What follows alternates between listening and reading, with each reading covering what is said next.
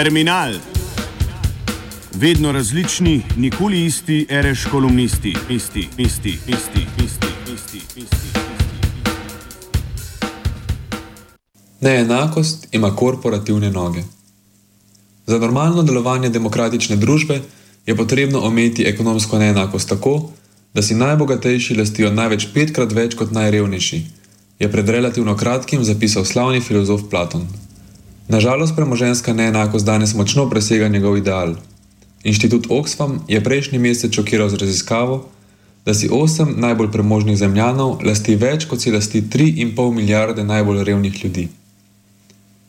Pretirana ekonomska neenakost je upravičeno visoko na teoretični agendi levice, vendar ta vlogo rešitelja običajno prepozna v državi.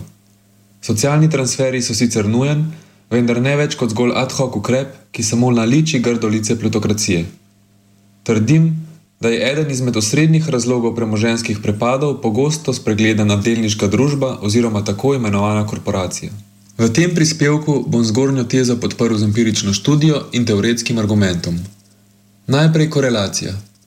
Študija NBR, naslovljena Wage Inequality and Firm Growth, ugotavlja, da je visoka prisotnost korporativne oblike podjetja statistično povezana s porastom ekonomske neenakosti v zadnjih letih. Torej, več zaposlenih je del korporacije, večje so premoženske razlike v družbi. Zakaj je korporacija vzrok premoženske neenakosti? Prvič, ker si deleže korporacij lasti relativno malo ljudi, drugič, ker korporacija danes zaposluje skoraj polovico celotnega svetovnega prebivalstva, in tretjič, ker korporacija deluje z namenom povečevanja dohodkov lastnikov, ki so v obratnem sorazmerju z dohodki zaposlenih. Za boljše razumevanje tega argumenta pa je nujne nekaj instantne pogrej in pojej konceptualne demarkacije. Podjetje je ekonomska institucija, ki uporablja kapital ter zaposluje delavce v proizvodnji in prodaji, to pa počne z namenom reševanja konflikta, konflikta med redkostjo dobrin in nenasitnostjo človeka. Oblika podjetja pa določa način delovanja. Delniška družba je ena izmed oblik podjetja. Ostale oblike so naprimer družba z omejeno odgovornostjo, samostojni podjetnik, zadruga in podobne. Začetki korporativne oblike segajo v konec 19. stoletja, ko so se lastniki kapitala prvič fizično omaknili iz podjetja in zasedli položaj odsotnih lastnikov. Poglavitna značilnost delniške družbe je odsotnost lastnikov delničarjev, ki zasledujejo interes maksimizacije lastnega dohodka. Dohodek lastnikov so povečanje začetne vrednosti delnice in dividende. Dohodek lastnikov je profit, ki ga dosega korporacija. Preden lahko razumemo, zakaj je prav korporacija ključen vzrok neenakosti, je nujno razumeti nesoglasje med profitnim motivom in egalitarno distribucijo dohodkov. Profit je razlika med prihodki in stroški podjetja. Prihodki so zmnožek med količino prodanega in cene na trgu. Torej, če lastnik pizzerije proda 10 humus pic z veganskim sirom, vsako po 10 evrov, so njegovi celotni prihodki 100 evrov. In čeprav je lastnik pizzerije lastnik celotnega produkta pizzerije, je lastnik teh 100 evrov, je za nadaljevanje poslovanja primoran pokriti stroške produkcije. Kupiti mora humus, moko in veganski sir, plačati peka in pokriti stroške peči. Običajno upamo, da bo krušna. Ključno za namen članka je razumevanje, da so stroški v obratnem sorazmerju s profiti pizzerije, zato bo lastnik v zasledovanju lastnega dohodka nižal plačo peka. Težko bi sicer rekli, da pizzerije sveta predstavljajo glavnino problema svetovne ekonomske neenakosti. Zaposlujejo namreč le zanemrljiv del zemljanov. Korporacije pa zaposlujejo ogromno ljudi. Podatek, da so samo korporativni profiti nedavno zasedli kar 10% vrednosti svetovnega BDP-ja, že sam zase pove veliko. Plemenitenje lastniškega kapitala ne bi bilo tako problematično, vkolikor ne bi bilo skoncentrirano v rokah manjšine. 5% američanov si lasti 90% vseh delnic, kar pomeni, da si manjšina lasti 90% profitov vseh ameriških korporacij.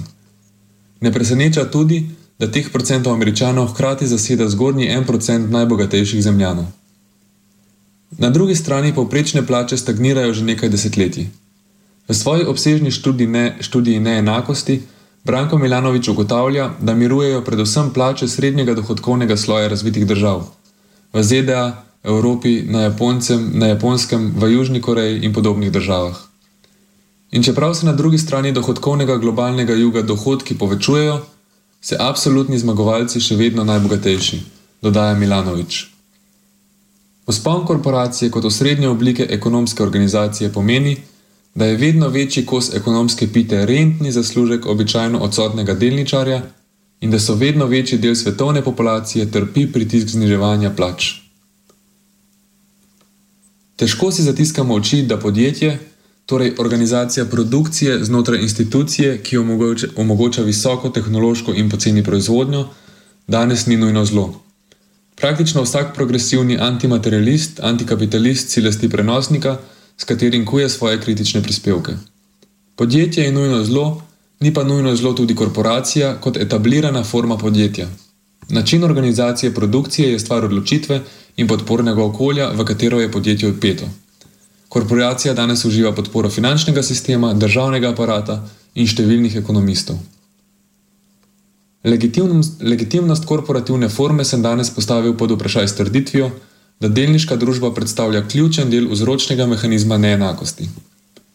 V naslednji oddaji bom predstavil alternativno obliko podjetja, ki bi lahko igrala pomembno vlogo uravnovilke brez posega vidne roke vlade.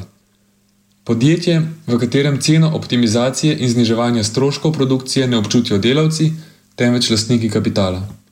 Posvetil se bom demokratičnemu podjetju, novodobnemu samoupravljanju, ki je v luči ekonomske in politične neenakosti vedno bolj zanimiva ideja.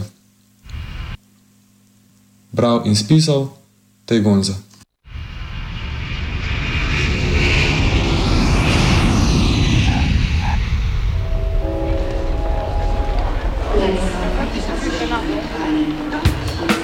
Terminal.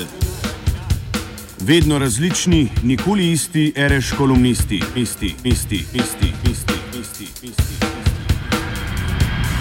Poslušate Radio Student. Želimo vam uspešen vzlet in prijetno potovanje.